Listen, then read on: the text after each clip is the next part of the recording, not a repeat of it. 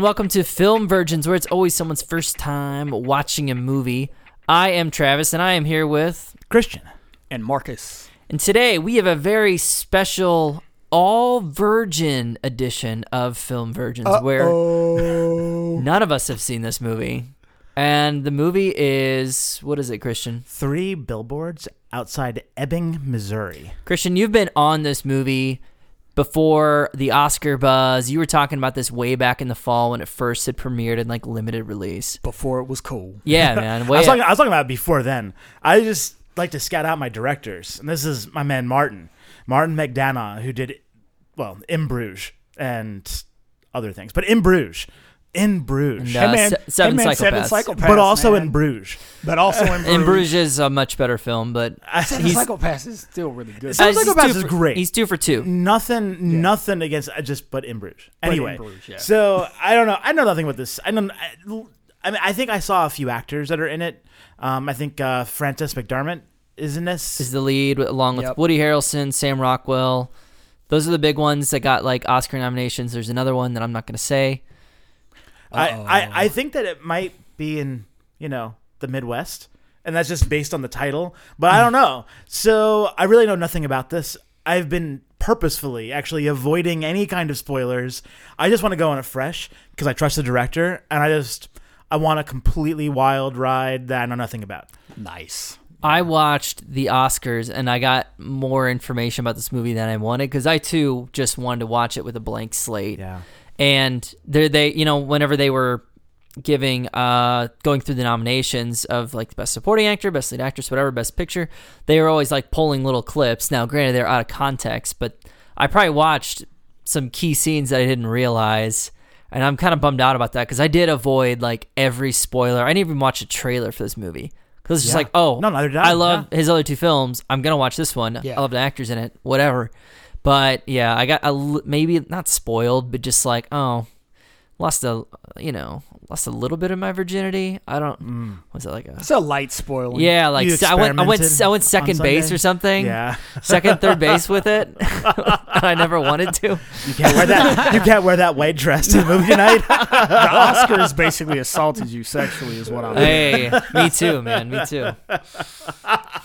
Whoa. No, no, Keeping just that kidding. in. We kid, we kid. We support the hashtag Me Too movement as at uh, Film Virgins. We're very, very, very uh, pro woman. Disclaimer. the the the triumvirate of males support women's rights. There we go. Anyways, Marcus, three billboards. Um, I probably nothing this more than either of you. Every once in a while, Christian comes up to me with a glint in his eye. It's like, "Hey, there's this movie that's coming out that has this really weird ass title.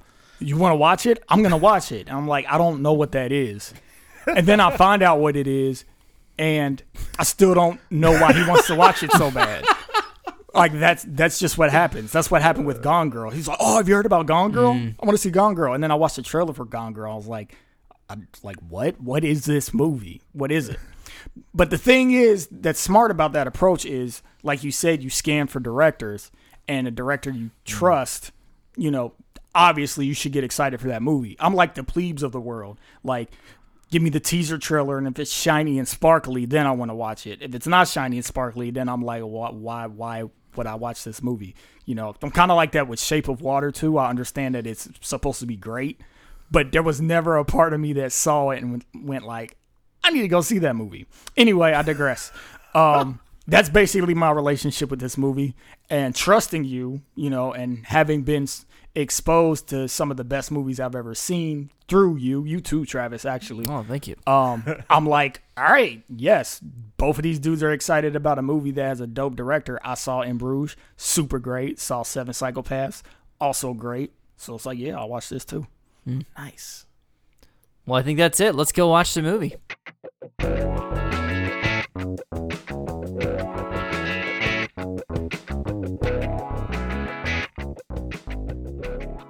Okay, and we are back, and we just watched three billboards, um, across outside, outside Ebbing, Missouri. Ebbing, Missouri. Everyone just calls it three billboards.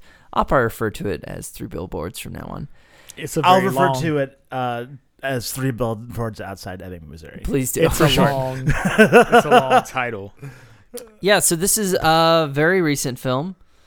Just came out at the end of last year. And it's directed by Mark Martin McDonagh, like we already talked about. Talked about some of the stars. I was teasing Peter Dinklage. Which actually somebody Game of- told me that Oh yeah, at work today. So like when it happened, I wasn't super surprised, but I was like, "Oh yeah, that's right." Somebody told me that. I completely forgot. I was I was holding that one. Had a budget of 12 million and is already ranked in uh, 131 million. Dang. I think a lot of Oscar buzz will do that, and then it's uh, you know, I think all the money's spent on the actors. I mean, the talent in this movie is top notch, and Five grand probably spent on the billboards at Uh, least. at least per month. Um, Christian, what is the plot of Three Billboards? Okay, it's about this mother Mildred, whose daughter uh, Angela, I think, was um, uh, murder raped, and um, this is uh, an unsolved case thus far. It's been a while, and she's starting to get frustrated, so she pays for three abandoned billboards and puts some inflammatory messages on them. Uh, egging on the police department and particularly its chief for not having uh, solved the case. Um, and um, the movie really is about um, the tension that's created in the town um, with this mother and uh, what results from that tension. It's kind of like Charlotte's Web. Is, that, is, know. is that it? Spider puts a puts up some inflammatory messages about a pig, gets all the attention. Ah. They're both pi- inflammatory mess. Well, I guess they're not. It's not so much inflammatory in Charlotte's that Web. That's the word. Well, they put up messages. There's messages, They're provocative messages. provocative messages involving pigs. Oh, Oh yeah, there we go. Ooh. Well, this is our first time doing a movie where we haven't seen. Neither, none of us have seen it. All virgin. All virgins. Movie watching. So I guess let's just jump in with our own thoughts on the film. Marcus, what did you think of Three Billboards? This is one of those movies that like I'm gonna find out what I really think about it like while I'm driving home. After like while it's kind of still going over like or in the shower the next the next day like while I'm just kind of thinking about it and ruminating over it. Um so I mean the only concrete thing that I can say right now and maybe our conversation will help is that I thought it was good. I didn't enjoy it as much as In Bruges or Psych Seven Psychopaths. Um, and I don't know. I guess I was kind of dissatisfied by the ending because I'm Well- kind of traditional in the sense that like I want a bit more closure. Um, and how how spoiler do we want to go I would right now? no no spoilers at all, just in case, and then we'll do a spoiler. Okay, so code. yeah, I'll keep it spoiler free right now. So, yeah, like at the end of the movie, kind of ends, and I'm kind of like, oh, because this movie's relatively short for what most feature dr- dramatic features are in this day and age. Like the movie's less than two hours long, so it kind of like ends, and I'm like, wait, what? I was waiting for like the last 15 minutes, like the final, like going up to the climax. Mm.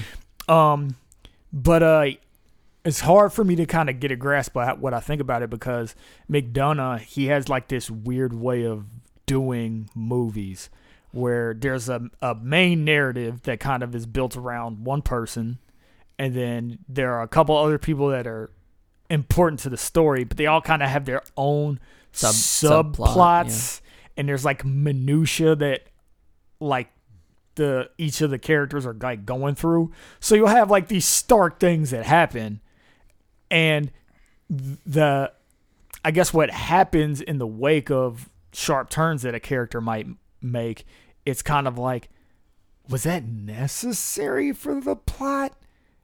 It is, but in a really, really like subtle, under not underhanded, but like kind of you you. it doesn't hit you over the head. You almost kind of have to think hard about what the movie is trying to say about certain actions and like the effects of them. And this is all really vague and probably doesn't sound like anything because I'm trying to be spoiler free right now. But um but yeah, it's it was just hard for me to grasp. So I kind of like I don't know. I don't know entirely how I feel about it. I think the acting was great. Um I think the writing was good with smatterings of genius in there. Um, I don't think it was like super great all around, but it wasn't bad. None of it was bad. Um, yeah, I don't know. I guess I have to I have to talk more to you guys to figure out what I think. Yeah, I actually really like this movie. Um, and yeah, I don't, I won't get spoilery, but I actually didn't feel the same way about the ending. Uh, felt a good sense of closure, and so um, I thought that that the ending worked for me. But throughout the movie, I was impressed with its tone because it is such a, it's a very heavy subject matter, and it is, especially towards the third act. You know, it, there's some pretty heavy stuff going on. Um, but leading up to it, I was pretty amazed at how uh, he could, the writer director could handle the tone and was able to write some pretty quippy, fun dialogue in moments of high tension. And um, I, th- I think most of it really worked because I think it was a heavy movie in the hands of another director. I don't think you get those moments, those kind of like character smart ass moments that I actually really enjoyed in, in the movie and made the characters much more memorable than if this just was a straight drama. Uh, I thought so. Yeah, I thought the writing was pretty great, and I mean the performances. Francis McDermott uh, got a um, best lead actress award. She got the Oscar for it. She was freaking dope. the Fucking whole thing. earned the shit out of it. And then um, Woody Harrelson is pretty good in this. He had a nomination for Best Supporting Actor, and then Sam Rockwell also did for Best Supporting, and Rockwell got it. Uh, I'd say deservedly, especially over Harrelson. Uh, much different performance and much more. It's it's it's a bit it's a bit difficult to play a uh, a racist who by the end of the movie you're kind of like eh, all right Yeah, and I mean the thing is, is if you're competing, bet if you're competing between the two, Harrelson was more of the straight man. So it's Yeah. like even though he did a good job in the role, there wasn't a whole, there wasn't nearly as much characterization going on as there was with Rockwell's character. Mm-hmm. Very true. Very true. What do you think, Christian? Well, um, I did like it. I did like it. Um, I see now why maybe it got a lot of Oscar nominations. Um, not just because it was good, but because I think it was pretty political. Um, I I caught a lot of that from this, and I didn't. I guess I didn't realize that going in, so that was kind of a surprise. Um, and yeah, a lot of the dialogue was really great. I mean the the cast is kind of a can't miss. Like, yeah, Martin McDonagh's great, but you know, if you can't direct this cast, then you're not really good anyway. Yeah, you got a bunch, you got a bunch of veterans. Yeah, Absolutely. I mean, some of these guys are vets. Some of these guys aren't, but they're just good. Like what Caleb Landry? I don't know. Um, Is Caleb that- Landry Jones. Is that Welby? Uh, yeah, like that dude is good. he and is he's good. been in things, and he's always been good. And Which character was he? He was the guy who ran. So He got thrown out of the window. Oh yeah. yeah. Well, I I recognize. It took me a little bit, but I recognize him from Get Out. What else has he been in? Yeah. well, he's been in. He was in several episodes of Friday Night Lights. Um, he was in one of the X Men, uh, maybe First Class. Oh. Um, sorry, I'm, I'm trying to look at his IMDb here. Um, he was in New Coun- No Country for Old Men very briefly. Apparently, he's would've boy been- on bike. Ah, yeah, he is. Yeah, he is. He's in Breaking He is immediately in my head right now. yeah. Oh, really? Yeah, I I, rem- assume I at the remember him of- distinctly. Jeez. Now that you said that, I don't remember him at all. That's impressive. Yeah, I'm very impressed. last scene in the movie. Very, very Spoilers. Last scene. Oh, oh yes. Spoilers for No Country. Yeah. It ends with a boy on a bike. Spoilers for a movie that came out. That movie was what? 07? Ten. Yeah, it's like ten years. Yeah, man. yeah. Uh, he's in Breaking Bad. Plays Lewis. I don't remember him in Breaking Bad. I don't. Um, Oh wait, Lewis. Lewis Isn't is the kid's friend. that? right? That's uh, is the That's the son's friend. The son's best Yeah. friend. Walter Jr.'s friend. Okay. Uh, You okay. probably only see him once or twice. yeah. Probably, Okay. yeah. Yeah. He might have been in the Judge Dodge Charger. Um, but yeah, he's in he's in lots of things, and I, he's going to be in more stuff. But yeah, um, Yeah, I He was enjoyed good- him. He was good in this. Super good in Get Out. Awesome range. He just between those two movies, it's like okay, yeah, this guy can act. hmm But that's everyone in this whole this whole movie. Even the people that were just like the also rans. Like uh, I don't know how to pronounce this guy's name. Z- uh, Zel Zeljko Iv- Ivanek. Um, like that dude is in everything. He's in all the things. Yeah, I've oh, you talking about the Buzzhead? Yeah. Oh, yeah. the cop. Yeah. Oh yeah, Yeah, yeah. spoiler for my quickie, but he's in uh, John Adams as well. he's in In Bruges. Yeah. He's Oh, in Seven shit. Psychopaths. He is in In Bruges. He's been in. He was also in fu- Heroes. Oh man. Oh yeah, he was in here. He was in like he was in uh the Damages. Do you remember that show with Glenn Close? Glenn Close? Close Yeah. on FX. Yeah, he was fantastic in that. Twelve Monkeys. Oh damn. Yeah, uh, not not the movie, not the movie. The show. Oh, the t- TV show. but yeah, I mean the cast is crazy. It, there's just, I mean, you can't you can't lose with this cast. But um, you know what? It's it's a really good movie. I enjoyed it. It was solidly done all the way around. Man, you remove a little bit of the politics, which you could, and my enjoyment goes up a little bit more. I just don't love that feeling getting preached to. I didn't know. Uh, we'll talk more about this in spoilers, but I didn't know this did have any political uh, edge to it until after I heard about backlash against the three billboards.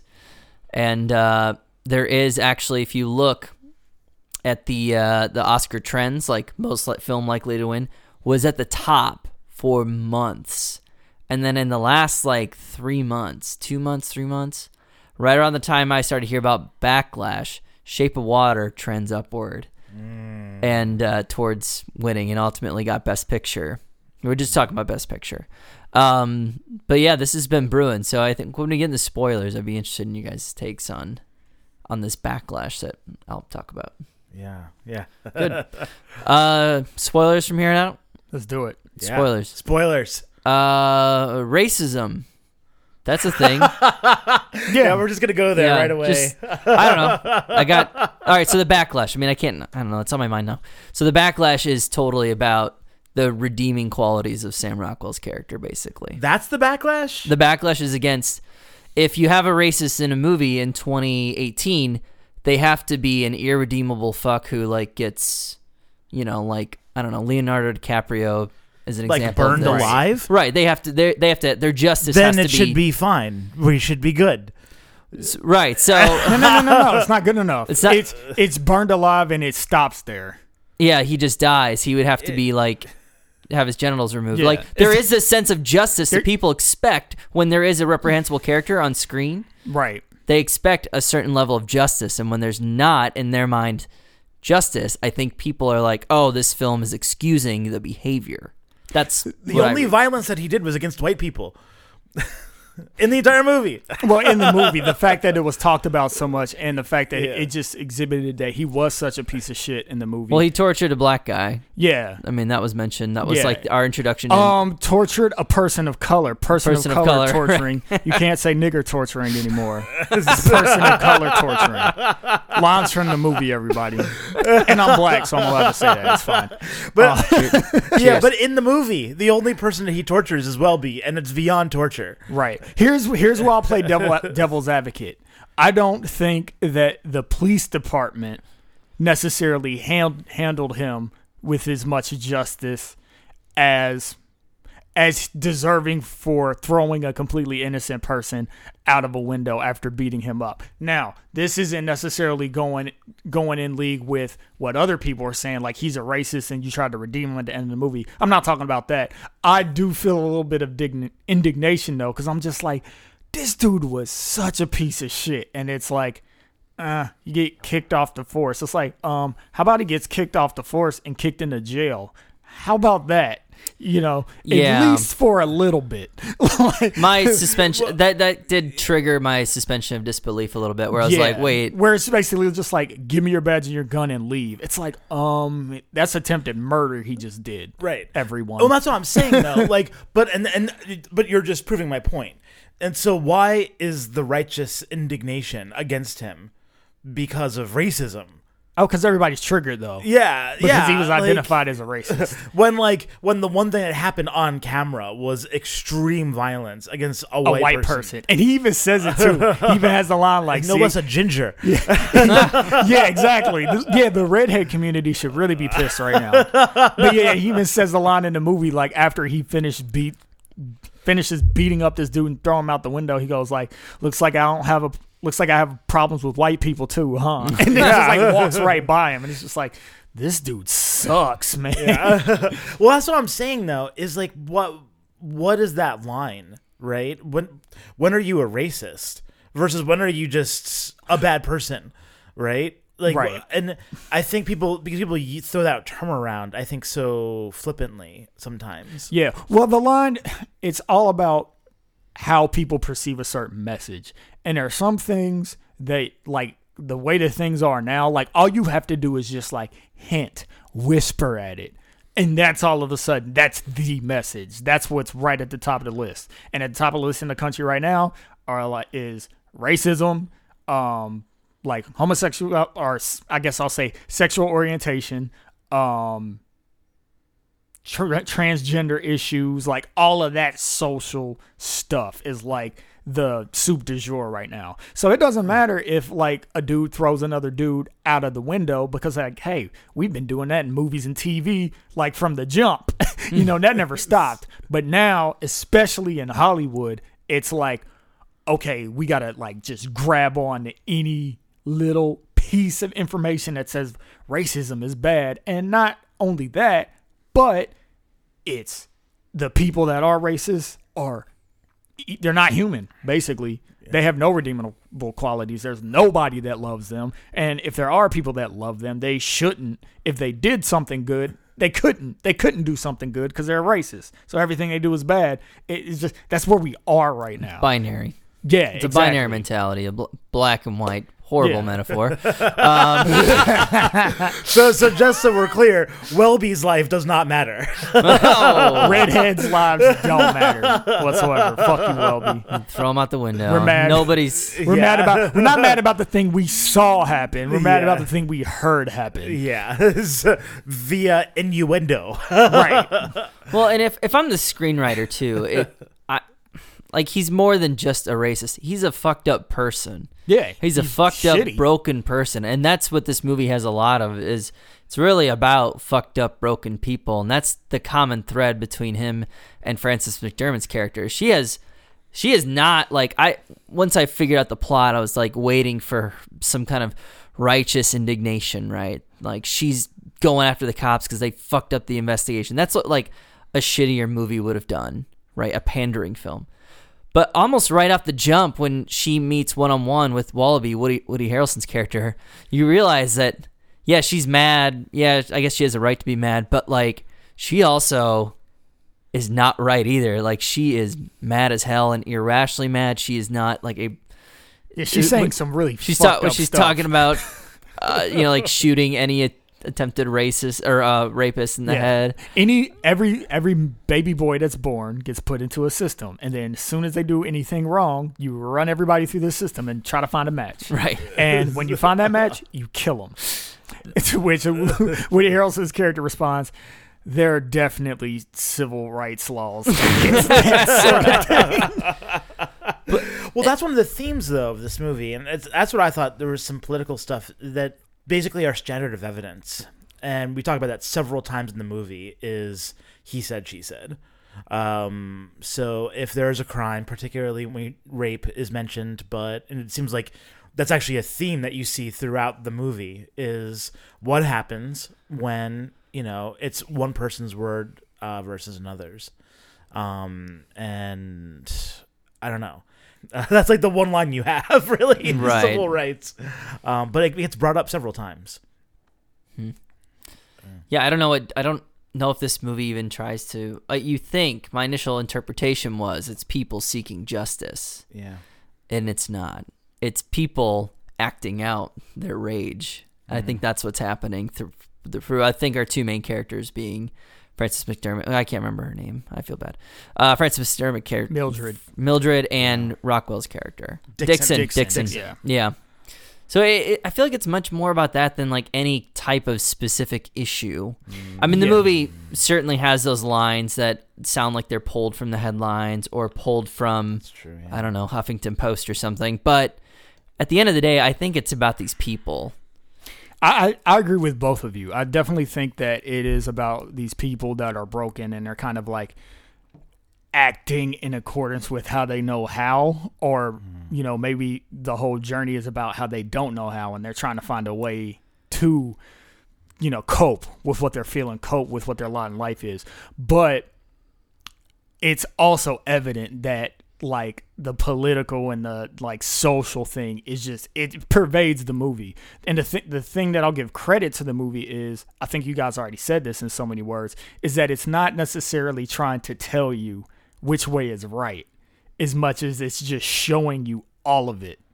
And it's and I think there's a slant definitely, but I think that it's it's one that isn't necessarily you can walk away with it with a message if you want to, but I could easily watch this movie again and like flip it around and go like actually well what it's saying is, is that it's all really really really complicated and that people are really really nuanced and the system isn't perfect but it can't be perfect because how messy everything is, how messy life is, how messy circumstances are, and you know, like evidence even and hearsay. He said, she said, like, like the whole thing with the dentist, where her whole point with fucking up the dentist. There's a scene where she goes to the dentist, is the and he's the worst dentist in the world. Yeah. um, I won't go into detail. Just watch the movie if you haven't seen it.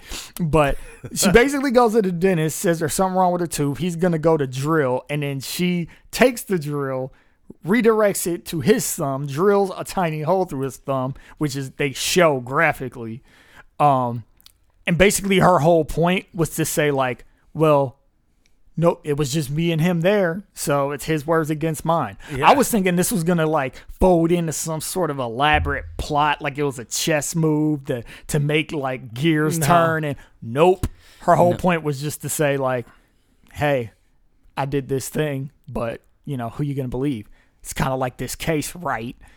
It's like, oh, oh, and that's where you start to see the beginnings of how effed up she is in her rage and her methodology. Well, and how bad the uh, people fall through on the legal process in this universe. Yeah, or at least or at least this town. That's the first, yeah. Between that, between Dixon's actions throwing the guy out the window, she burnt down the the fuck. She's police station. the police station. Burned a former officer almost to death. Like, yeah, uh, drill drilling holes through people. all wonderful theatrical That moments. dentist had it coming though. he did. Oh, he's a piece of Oh, shit. yeah, he was- do, do not mistake me. Fuck that guy. He was terrible. he was on screen for like three minutes, and he was terrible. but but still, just the fact that like all of that was done to him, not even to make the point that he's a shitty dentist, but just to say like. You know, I think she she just made sure if she was going to take somebody down, it was going to be somebody that was worth it. But that wasn't even the point.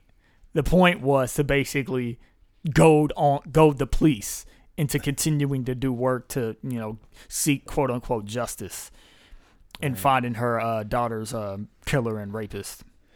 Yeah, and I do think I- I do think I see a lot of what you're saying too, Travis. I, I maintain what I said.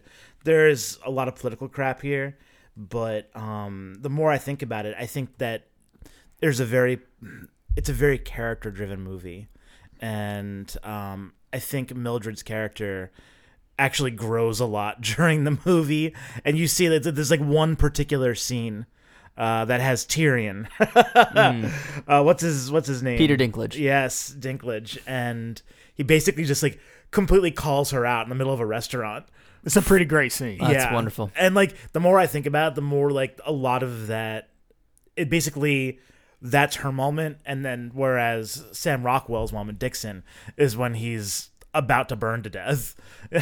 He, like, yeah, he has like a prolonged moment because he has the reading Yeah. the letter, yeah, about to burn to death, and then being put up in the hospital with the dude that he threw out of the window, and that guy shows him charity. yeah. Hmm. Well, like I think by that point he's already made the turn, right? That's the evidence Because he of did it. apologize. No, yeah. because he because he saved the file. right, Yes. Because Gotcha. he he actually like took time and saved the file. That was like that's the moment where like whatever the letter read apparently sunk in right then. right. And although it's not clear like I don't know, it's not clear exactly when these things happened. He might have already been thinking about it after he lost his badge.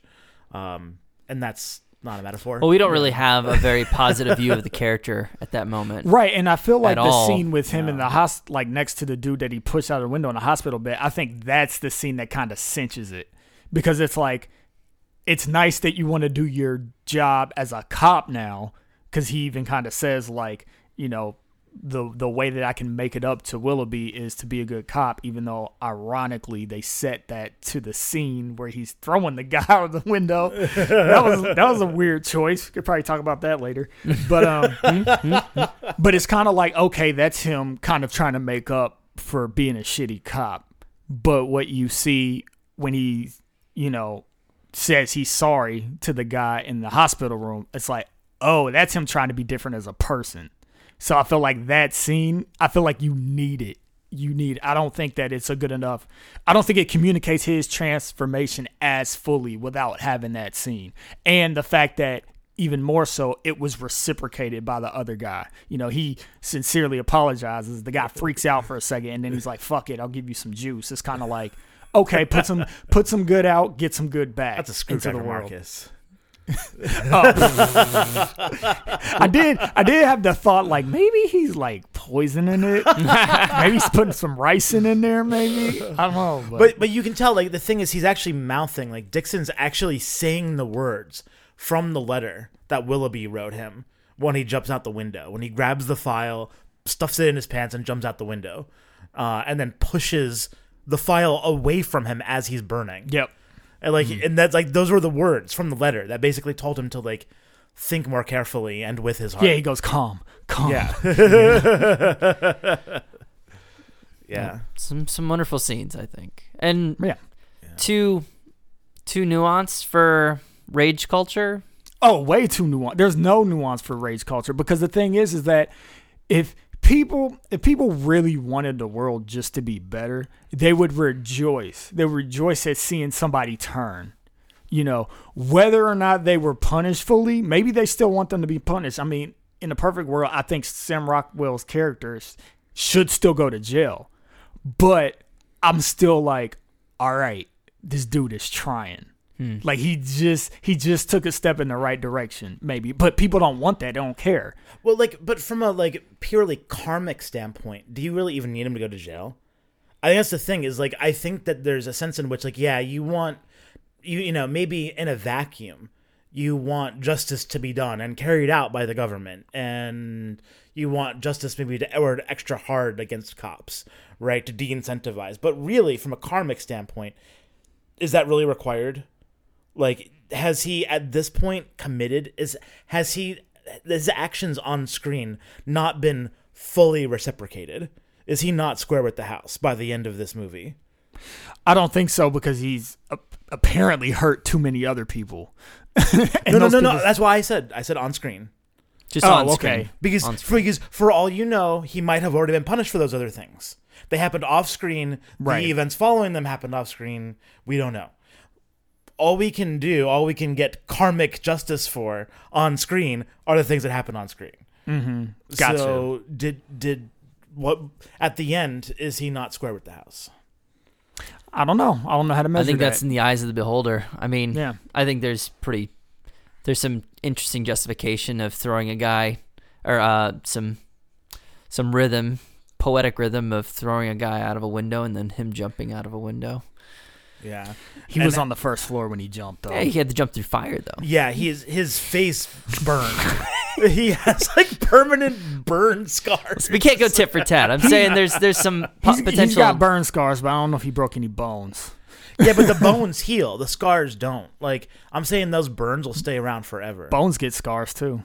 Yeah, that's true. But like, I mean, this guy- Granted, this those is a- this is- scars this make is- it stronger, but A single dude with a weird looking mom, right? Those scars will likely prevent him from being any like lasting relationships with non weird people. I think living in Ebbing, Missouri is like a hindrance to that as Well, well. there's probably like a fetish 4chan for that kind of shit. Oh, you know that's true.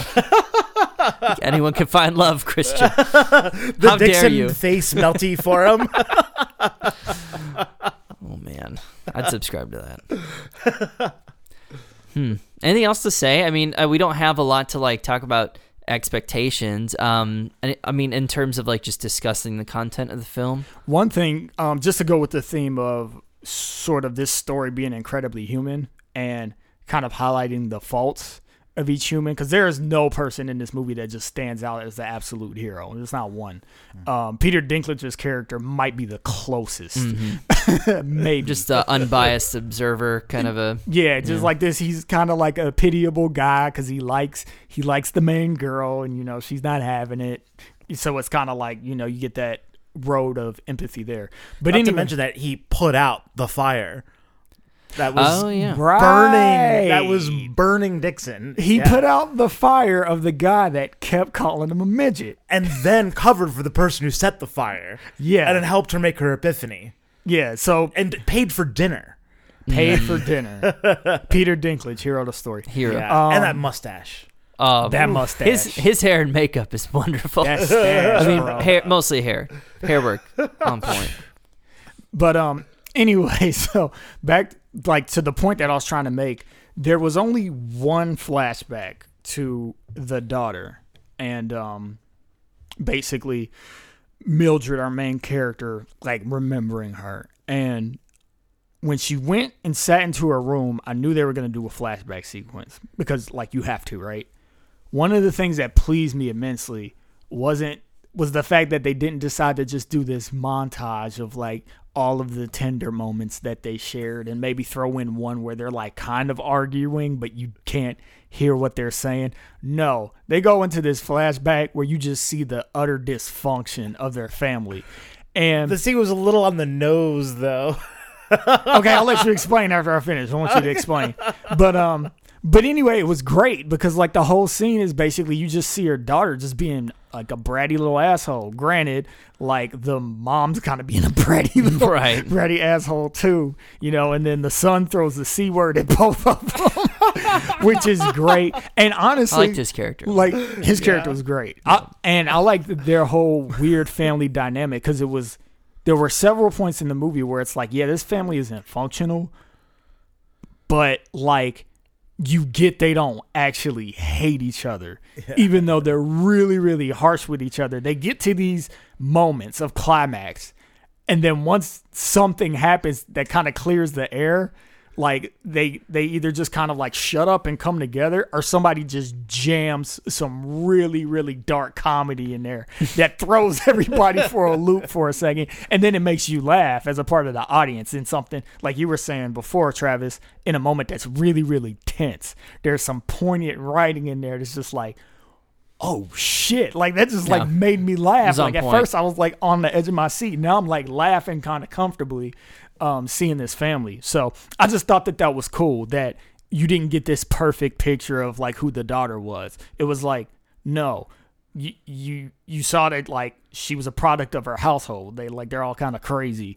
Um but at the same time it's still her daughter. So she still loves her to death even though the last thing she said to her was really bad. Do we do we agree that was like the last time? That's what spoke. it seemed like. That's what it seemed like. I was just wondering. There is actually no, or is it just like the most poignant memory?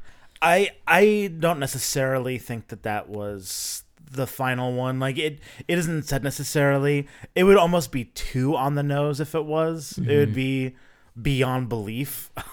Since like yeah, so basically what we're talking about is the last thing that the mother Mildred says to the daughter Angela is like she de- Mildred denies Angela the use of her car to get to her friend's house, and so the daughter says she's gonna walk, and the mother says something like, wow, well, I hope you get like raped and murdered on the way there or something like that. Yeah. And I don't know. Well, the daughter says, like, fine, I'll walk. I hope I get raped on the way. I don't know if she said murder, but like, I hope I get raped on the way there. And then Mildred says, I hope you get raped too. yeah, On the nose, but not like out of line for the dynamics that we've seen between all these this family. yeah, Right. They Like say that, lang- that language is not out of, you know, not just shoehorned in there. Yeah, the joke that I was referring to was like the the mother and the daughter are fighting. Um, the son says something. Sis, his sister goes like, "Why are you always on her side?" And she's like, "No, I'm not. On, I'm not always on her side. Just when you're a cunt." and then the mom says, "Hey, no cunts in this house." And then he goes like, "Why are you leaving?" Which that's the funniest joke I've heard in like five years. Like we all three of us, like the three of us, we don't really react to movies like that hard. Especially like if it's like a weighty movie, we're all pretty quiet and we're all kind of like, hmm. Even if something is like punchy, we just kind of like, hmm. We all were like, oh, Listen. Call Dixon at the burn unit. Oh, that was pretty good. Oh, yeah. That was- um, yeah, I, it was. You're right. I mean, it, but it was really weighty, but there it did have its moments, which is impressive. it's really weighty. yeah. It wasn't that hard to watch though. No, it was. It was. it a- wasn't. It was really for how weighty the topic was. It wasn't a hard watch at all. Hmm. No. And I think, I don't know, maybe I don't give enough credit to the writing, just how good it is, the fact that it can carry you through. But maybe, I don't know, I guess part of the reason is that, like, McDonagh loves quirky characters. So maybe you spend so much time and attention just trying to, like, understand the characters that you see on screen and their, like, interplays that, I don't know, maybe it carries some of the burden of it just mm. being like this is about rape. Because it's not like a hallmark after school special thing you know or it's just like rape is wrong rape is wrong rape is wrong. Like the movie is hella irreverent. Right. so it kind of puts you in this odd place where you're like it's almost kind of like being in a comedy show really because like the best comics will be able to take a subject where it's just like everybody's uncomfortable and if they're really really good they'll get like the most square peg like uptight person to just join along with the ride and be like hey it's okay. You can laugh. It's, it's a comedy show. We're gonna say fucked up stuff. It's fine. You know and I, maybe this movie does a little bit of that too. The the wonderful essence of black comedy. right. There's a, I mean, there's a lot of that in this. And we're not talking about comic view on BET guys I couldn't make that joke. Only Marcus can. Turn offs. Oh, Turn off. So the section where we talk about things that, well, if it's an older movie, we like to talk about the things that don't hold up. Uh, in good movies or newer movies, we usually just kind of use this space for nitpicking. I have a nitpick. go for it CGI deer. yeah Oh, that looked like fucking shit. it wasn't good I was. You can get horses in a movie. You can get real live horses. You can't but- get a deer You can't get a deer. Like Was it definitely CG or was it like It a wasn't real CG. deer on like a green screen? I'm, I'm pretty sure it was real deer. It was a composite because there was something Ugh. there was, was something sure. the wrong light, with the it, lighting. but it didn't seem like the deer was unrealistic. It seemed like the blending between the deer and the background was unrealistic. It was very like Walking Dead AMC budget sort of thing. You mean Someone just shit. snacking on Yeah. the deer. you mean shit, Marcus? Say it. Say it was shit. I'm a little more forgiving of these things, so I guess Sorry. I guess I have to actually say shit because since I am more forgiving, like when I saw that, I was just like, one of the downsides of Blu-ray, Ah. high def, because DVD might have not looked that bad. Actually, might have not looked Might that have bad. you might have been able to pull it off. yeah. Maybe they had some. Maybe they're editing it on some like vintage CRT monitors or something. Yeah, it wasn't great. so I I I think that was a mistake to leave that scene in the movie. I really do. I do think that scene is good. It's a nice little intimate moment that you get with her character where she's not in complete rage mm. at either her family or other people in the town. It is kind of a beautiful, peaceful moment. But there's got to be another way to do that without a deer or a dog. You can get a dog, a cat, stray cat. Come on, Mm. cats out the country. Cats are everywhere. They just roam. She's like a crazy cat lady. I don't know. I mean, yeah, that I think sense. I think that there's something about it being a wild animal sure. Yeah. that just makes the whole interaction different because it's like if you see a dog and he's like, "Hey, pretty, what are you doing?" Way oh, out hey, here?" that that belongs to somebody. That's yeah, it's like it's a fucking dog. you Like, wouldn't think. Oh, is that my? You wouldn't make the comment about it being like a reincarnated family member. right, or the fact that she's so surprised and in awe Yeah. that it's, It's- just here because like her one of the lines she says is like, "What are you doing? Way like out here? Like this is weird for you to be in this place." So I don't know. Oh, it's really not. Deer are fucking everywhere. They are. We live in the city. I see deer all the damn time. They're, Eh. they're everywhere. Yeah, but how often are they just chilling though? Like that deer was chilling. I mean, I walked. I was walking through Metro Park and like walked right by three deer. Well, never mind. Sorry, I thought it was very believable. Like the setup is fine. I loved her her lines. It was nice to have that kind of moment with her. But god damn it, that deer! It just takes me out of the movie. I hate it. I, I'm. It's so. Uh, it, it is shallow. It's shallow on my part to call the movie out for that. But I. ugh. I mean, it's a good point. It wasn't good, and I noticed it. Like I just, I just don't react to it as hard, but it was Mhm. very noticeable that it, it was odd for a movie that is just 100% practical in all other senses. And of high caliber in like every other respect. Yeah, Yeah, but this was not like there were there were some visuals that were pretty good, but this was not like a visual movie. It wasn't the cinematography was not spectacular. We've seen like two or three movies at least that are better than this movie from a cinematography uh, like no. What is the Or like you're talking about like the scale of the film. or Yeah, yeah. I mean, not even just the scale, because even within a town, well, like even even among Mar- Martin McDonagh movies, is like In Bruges was way better uh, from a cinematography standpoint. I, I don't know. Maybe it's Well, just. The, I- I, I think it's the production value that uh, Bruges offer that an old European city might offer compared to. Uh, this was shot in North Carolina, Okay. so I, you know, I Yeah. think that might offer some limitations. I think I know what you're trying to say, though. Correct me if I'm wrong. Basically, yeah, this movie wasn't a movie that was driven by its visual. That being the case, though, for me, that's what made it more jarring. Because if there was a movie that had like a bunch of special effects and then you kind of see this composite, you're like, it's kind of like, oh, okay, Oh, yeah, I see. it's it's still an infraction, but it's a infraction based on the fact that they've been doing special effects this whole movie Right. rather than a movie that's just straight up all practical like it's just on location and like in like I don't there was no studio like this all looks like mm. it was shot on vac- on location right Uh, I I don't know for sure, but I mean, Yeah, I maybe mean- some of the interiors. Yeah, maybe some of like maybe you know like the police station or something, but right sure, there's some interiors, but I mean, there's a lot of stuff that looks like it was shot, yeah, on location. Right. So since all of it looks so authentic, it's almost more jarring that even though it's like a subtle thing, they're not trying to like necessarily build a Death Star completely CG. Yeah. Just the fact that it's like, oh, okay, there's a clear element where they needed to hire some visual effects group to do this shot and they didn't have enough moolah to pay them to make it seamless. So it's it's just that much more weird because the rest of the movie is so far from that. Jerry CG Dreamscape out of North Carolina somewhere. Yeah.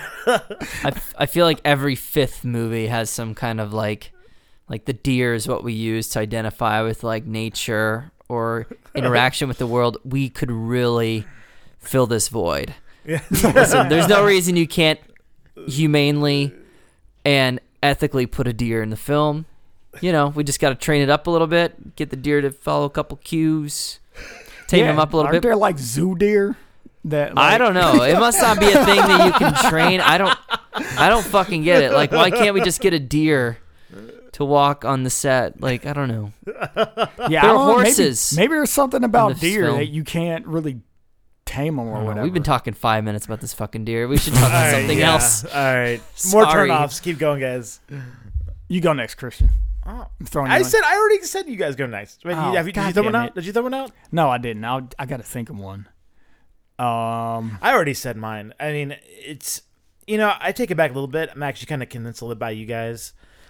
Uh, it's not too political, but there's still some political stuff, and I just man, I just increasingly I'm really sensitive to that, and on either side, and I I just ugh. I'm just bored to death of political. Oh my goodness. I I don't give a crap. And whatever you say like, "Oh yeah, you're tired of those other parties." I'm like, "No, I hate you too. I hate all of you. You're all stupid and I hate your politics and I think that you need to get the heck out of my movies because I need to get entertained over here." Right. and I gotta it- wake up in the morning and Yeah. deal with all this shit in my news feed. Let me escape it in my movies. Yes, and your politics are like a me entertainment prophylactic. It's like fucking up my entertainment. so, so yeah, just stop it. And whatever minor amount there was in, like, just get it out, and the movie goes up a point. Done. So I'm gonna give later on my cherry value, and then and then if we get rid of the politics, I'm gonna bump it up one. If you make an edit for me and we watch that, it's like called two and a half billboards outside of Ebbing, Missouri, and it has none of the politics shit. Then I'm gonna go up one, one cherry. Mm. You get one cherry. I'm gonna comment on that while I think of a turnoff because I still don't have one. But um, I think you're right. We're just all oversensitive to it because I find myself like as soon as I see something that does have a message, like I'm already kind of like getting a rise. I'm either like defensive, like getting ready to like defend why whatever is wrong what I'm hearing in my mind, or I'm ready to jump on the bus like, yeah, you give it to those people that think like this and it's stupid. And it's and then I like wait and just listen to whatever the thing is, whether it's online or TV or whatever, and I'm like, oh well, what they just said is true. Even it's it's just the fact that we talk about it so much and so many people are inflamed Oh, yeah. by so much stuff that it's like we actually are to this point where we're getting mad when it's like, oh wait, yeah, I I, I agree with that. Yeah, well, I don't Oh, even care. okay. Like, no, you're totally right. I'm 100 percent like oversensitive to it, but I don't even care if I agree at this point. I just don't want the politics. don't want it in but, there. But you're right. I'm oversensitive because I've got PPTSD. It's pub- political post-traumatic stress disorder because every because I've been like bombarded with this. It feels like for half a decade, and now it's just like, oh my gosh, just get it out. Get uh, yeah, I am oversensitive to it because Yeah. if you showed me this movie 15 years ago, I I would be like, oh, it's great, no problem. And even 10 years ago, maybe I'd be like, it's great, love it. Uh, and now it's like, yeah, I'm oversensitive to it because I feel like I've been bombarded and I'm just sick of it. Yeah, you really can't watch it without thinking about the culture war at hand. Right. The Blue Lives Matter versus the Black Lives Matter versus uh, the way that we talk to each other, the language that we use. Um, eh, eh, you know, it's it's hard to not think about that. And and I try to watch things objectively and just want to try and get into the world in this universe. And I think it's you know there are a couple lines here and there. I, I but honestly I can't remember any directly. Christian, you probably could. Um, but I think you could probably put this movie in front of like a Blue Lives Matter person, and they'd probably like, yeah, that's pretty good. I don't can- know. I can see it going Um, the other way too. a Black Lives Matter person would, but m- maybe not like it because I guess they're backlash. I don't know. I don't know what's going on. I don't. I don't understand the world. yeah. Just give me my movie. It's probably Yeah. a sign of a good movie is that like everyone's equally pissed off, right? But that's that's what I, I, think. guess that's a good point. I'm yeah. starting to adopt that mindset that like you know if these people on one side are calling me the other side and then the people on the other side are doing vice versa it's like oh that means i'm thinking for myself which is probably a good thing Well, and that's what got, and that's what I appreciate about this movie is it is. I don't think this movie does have a message. Not that it doesn't have a couple of lines that might indicate a particular bias, but it it doesn't have a message because it's about people. Hmm. yeah I, don't, I still don't know if i have a turn off so i'm gonna cop out and bail and just bring up something else when did this movie take place um 2017. So a, a little couple of things I saw online. Uh, he was driving through. Mar- Martin McDowell was driving through like the South and saw like billboards calling out for. Um, gosh, I can't remember. It was back in 2000. Gosh, what was it? Somewhere down in Georgia.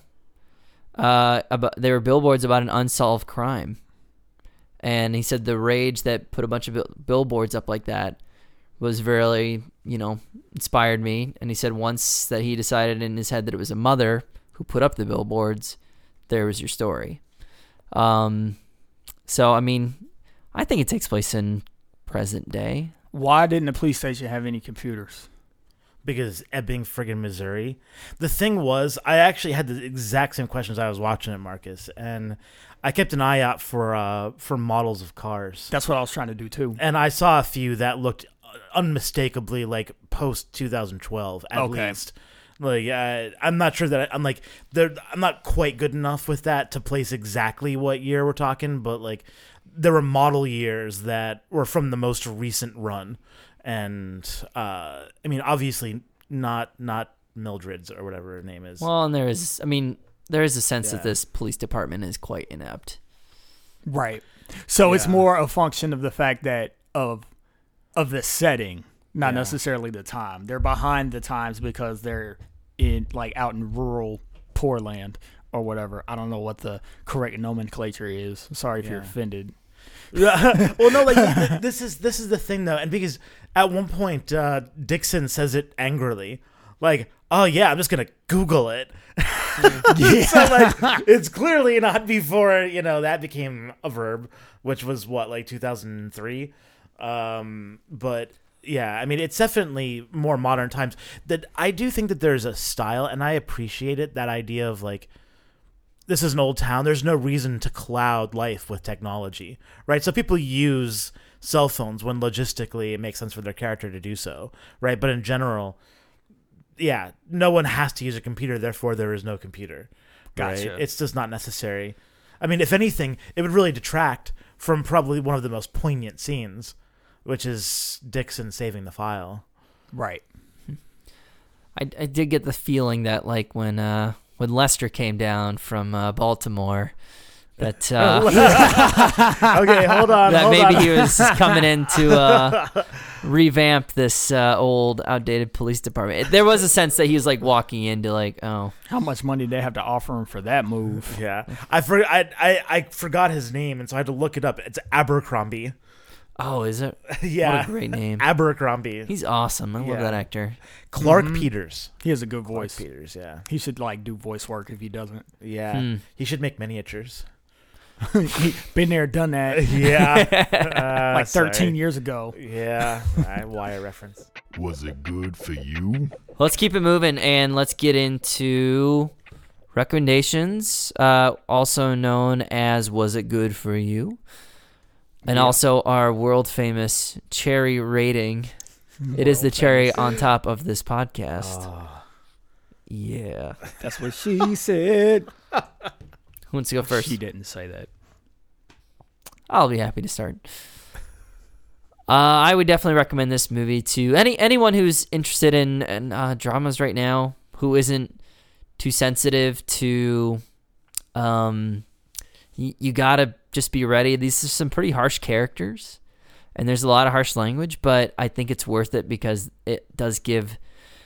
Not only does it inform the characters to the audience about the type of people they are and how they view the world, but it's also rooted in some truth. I mean, I know I grew up in a bumfuck town. I understand a lot of the things that these people say. Uh, it definitely had a, a ringing of truth to it. And I think anyone who just likes a good story, who likes a character driven film, who likes good performances, uh, if you like Martin McDonagh's other films, I think you'll like this one. Uh, not quite as witty as the previous ones, but still has a bit of wit along with some heavier topics. Much more uh, mature film. And was definitely uh, rightfully so considered for best picture in my opinion. Um, very very good movie. And uh, i you know i don't know if it deserved to win. I don't know. It, i didn't feel that strongly towards it. But i definitely think it's worth a watch and one of the better movies of the year. So i will give this movie i think i'm going to give it seven cherries I'm also giving it seven cherries.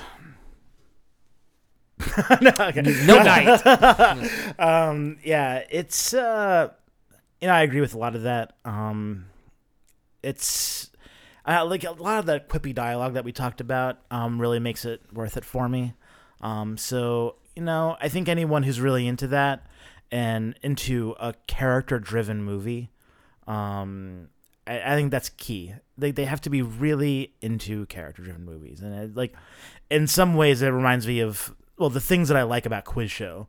Really, I like about this movie, um, and good dialogue that I think with repeat watchings will be memorable and um, characters that are memorable and that that run deep. Um, so um, yep, I mean that's pretty much my only recommendation for people who like movies like that. Um, if if you're not a fan of that kind of movie, if you don't like going deep with the character, maybe you need a lot of things to happen on screen, you need a lot of action to take place and plot to move, uh, eh, might not be your your bag. I mean, the plot definitely moves, but only in support of its character development. That's the only thing that ends up happening, really. Um, other than like a couple of fires and broken windows, really, it's just character growth. So if you don't like that, just don't watch it. Don't even worry about it. Um, but if that's your your bag, then this, yeah, watch it and and love it. Um, I think I'll go ahead and give this one a six. I'll be the douchebag of the week. Um, like I said, I thought it was a good movie. Um, I have a better after this conversation. I have a better opinion of the writing. Um, I think it was a lot more genius than I was willing to give it credit for. Um, and the acting is just great. But overall, I, f- I just kind of feel like the the narrative. I don't know. I guess I it didn't tug on me. Like there was nothing about the movie that really pulled me into it as much as it was just like an interesting watch. So by the time I got to the end of the movie and it kind of ended out from under my feet, um, which, and I don't mean to say that the ending is bad. I'm sure that most people will probably be fine with it. It just kind of caught me off guard. That it just kind of left me like, oh, okay, I watched this movie. Um, Frances McDormand, it was great to watch you. I like have a crush on you now. like the weirdest, the weirdest crush I'm ever gonna have in my life, probably just because she played that character so well, and the character was just so quirky and um endearing. Um, but yeah, so I guess as far as recommending it to people, um, first I won't say who should watch this. I'll say when you should watch it. Don't watch it yet. Let it chill. Let people stop talking about it for a second. Forget all your expectations. And then watch it when nobody cares. Watch it when everybody's fucking ranting and raving about whether or not Infinity War was good or not. Because I find oftentimes that when I watch movies because of hype and they don't kind of live up to the hype to me, I get mad. But if I kind of let forget about a movie and watch it a year later, then I just enjoy it that much more because I don't have all these expectations on what it's going to be. And the movie can just kind of unfold and be what it is. And then I form an opinion on my own after that. Um, I did that with uh, Wonder Woman, I think, and I was like glad for it. Um, so, yeah, but if uh, you do want to watch this, hmm, be ready for something that's different be ready for a unique film experience. And that's the people who i'd recommend it for. Like if you're bored on a weekend you don't have anything to do but you like don't want to watch the same old cookie cutter stuff you want to watch something that kind of like provokes you um then watch this because this movie is definitely good for that. It's very like they we keep saying character driven and it just has a lot of character in general in this movie. And yeah, when we say character driven, it's just like these people are interesting to watch. It's interesting to see what they're gonna do next. And that's what makes a good movie. And also, you feel for them. You feel what they feel. I, I was I thought this movie was an emotional roller coaster. I I welled up actually in a moment, but uh, I don't know. For I think we're out of spo- we're in spoilers now. Uh, when they was re- we've Woody, thoroughly spoiled Yeah. this by. Woody last thing. it this was- is the biggest one Woody Harrelson's suicide note like tore me up. That was a beautiful scene. it was That a good note Man, that was that was good. I can't even tell you why. It was just very very poignant.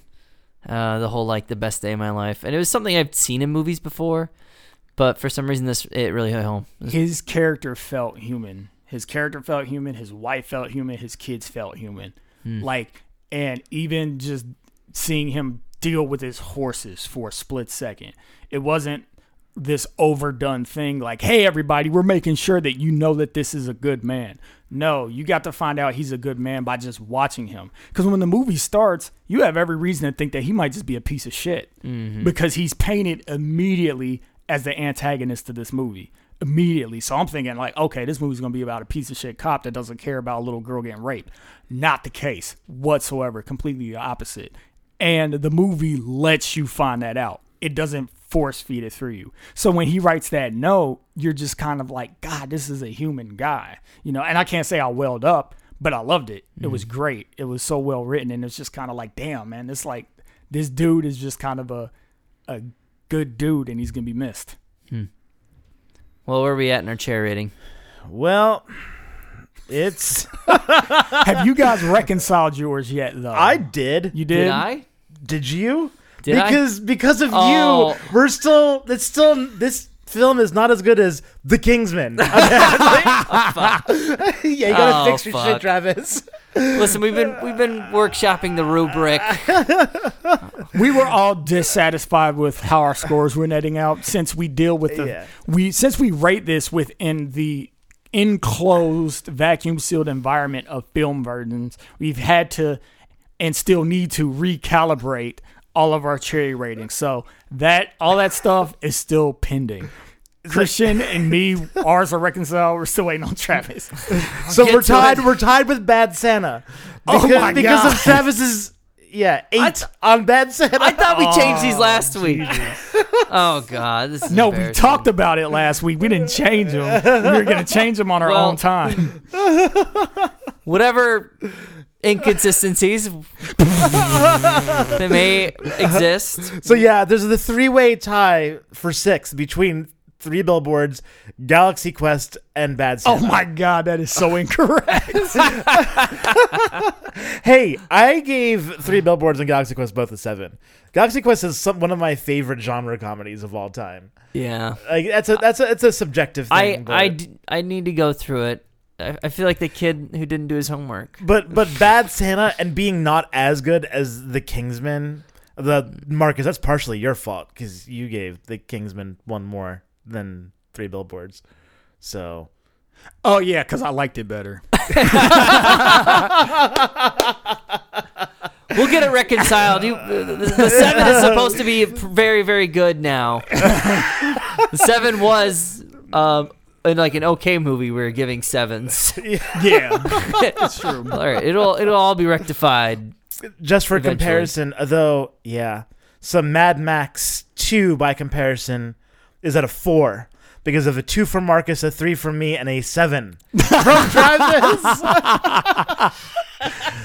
To be fair, I like them just as much. They're equal in my mind. All right. All right, I'll fix it. I'll fix it. It's all right, man. It's a process. Yeah, you'd have your epiphany. Jump out of this burning building right now. oh no, I was gonna suggest when I'm like buying dinner for you, with my glorious mustache. Oh, oh man, I would not say no to that date. Time for a quickie. Quickies. Uh Oh, I had already actually kind of led with my quickie. Um, I've been rewatching John Adams.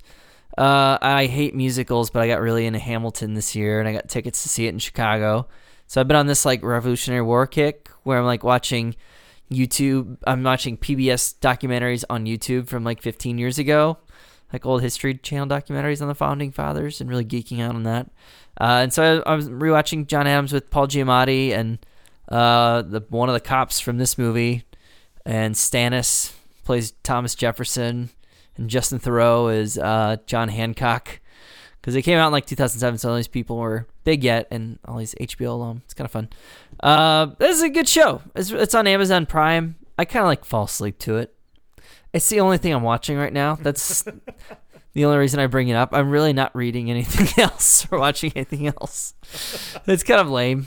But uh, yeah, John Adams is excellent show um, about his life, but also about Boston massacres, signing the Declaration of Independence, treaties with with uh, France, and the Constitutional Convention. I recommend it. Give it a watch. So, um, I've been actually uh, watching Altered Carbon. I'm only two episodes in so far. Um, in my uh, my exhortation to pace yourself, don't binge.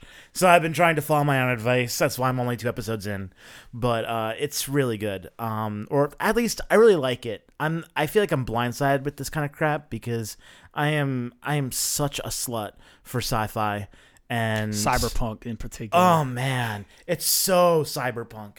Uh, but basic plot here is um, they've figured out it's the far future sci-fi. There's technology where you can actually store your consciousness um, in a chip that gets implanted in your neck, and so um, when you die, if that thing doesn't get destroyed, then um, you can be put on ice and resurrected by being put into another body. Um, some people have enough money that they can do that perpetually. Um, they call them, uh, I think, meths uh, for Methuselah. And um, I just, so far, the world building is really great. Just totally digging on that. I'm loving the environments, uh, the city. It, you know, it's got this Blade Runner feel to it. I don't know. I the think the show could suck. It really could. But and I wouldn't know because it just it tickles all my right places and I feel all good inside and outside. So altered carbon. Let me know if it's any good so I know whether or not I'm an idiot. That's awesome. Um, man, so last time I said, you know, I was talking about Ready Player One, and I haven't actually ingested much else because I just finished that. I burned through in two weeks because I Nice. because I enjoyed it that much. So um, that's not gonna be my actual um, quickie. I guess in keeping with Christian's theme of cyberpunk, punk, uh, we still have yet to watch Blade Runner 2049, which I am very, very excited to watch at some point in the future. but I did just finish um, a book called The Art and Soul of Blade Runner. It's basically kind of the official creative documentation of like the making of the movie as far as like creating their sets and doing wardrobes, character designs, like um, basically visually how the movie looks. And um, it's just it's really cool. Like so if you liked that movie and you want to know a little bit extra about like what went into it, like how how much they kind of relied on practical effects as well as visual effects to kind of create um, you know, Los Angeles in 2049. Like it's really really cool. Um, one of the studios they feature is Weta Workshop of Lord of the Rings fame. Like they did a bunch of work, like creating like miniatures that they call bigature of like cityscapes and stuff like that, force perspective.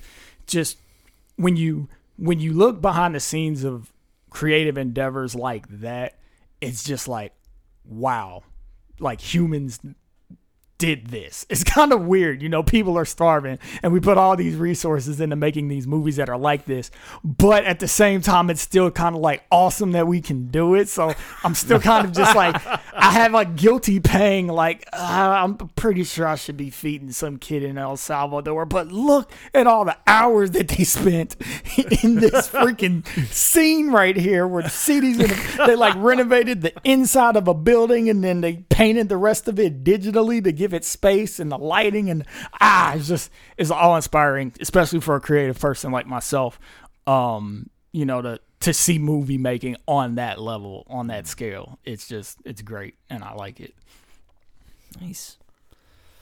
Well, thank you so much for listening to our podcast. Uh, go ahead and check us out on Twitter and Instagram at Film Virgins Cast. And I think that's all you have. I have been Travis.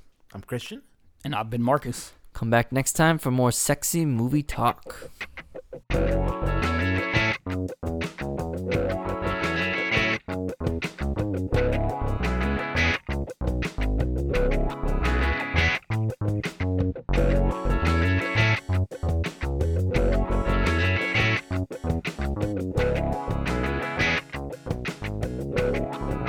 Thanks for listening.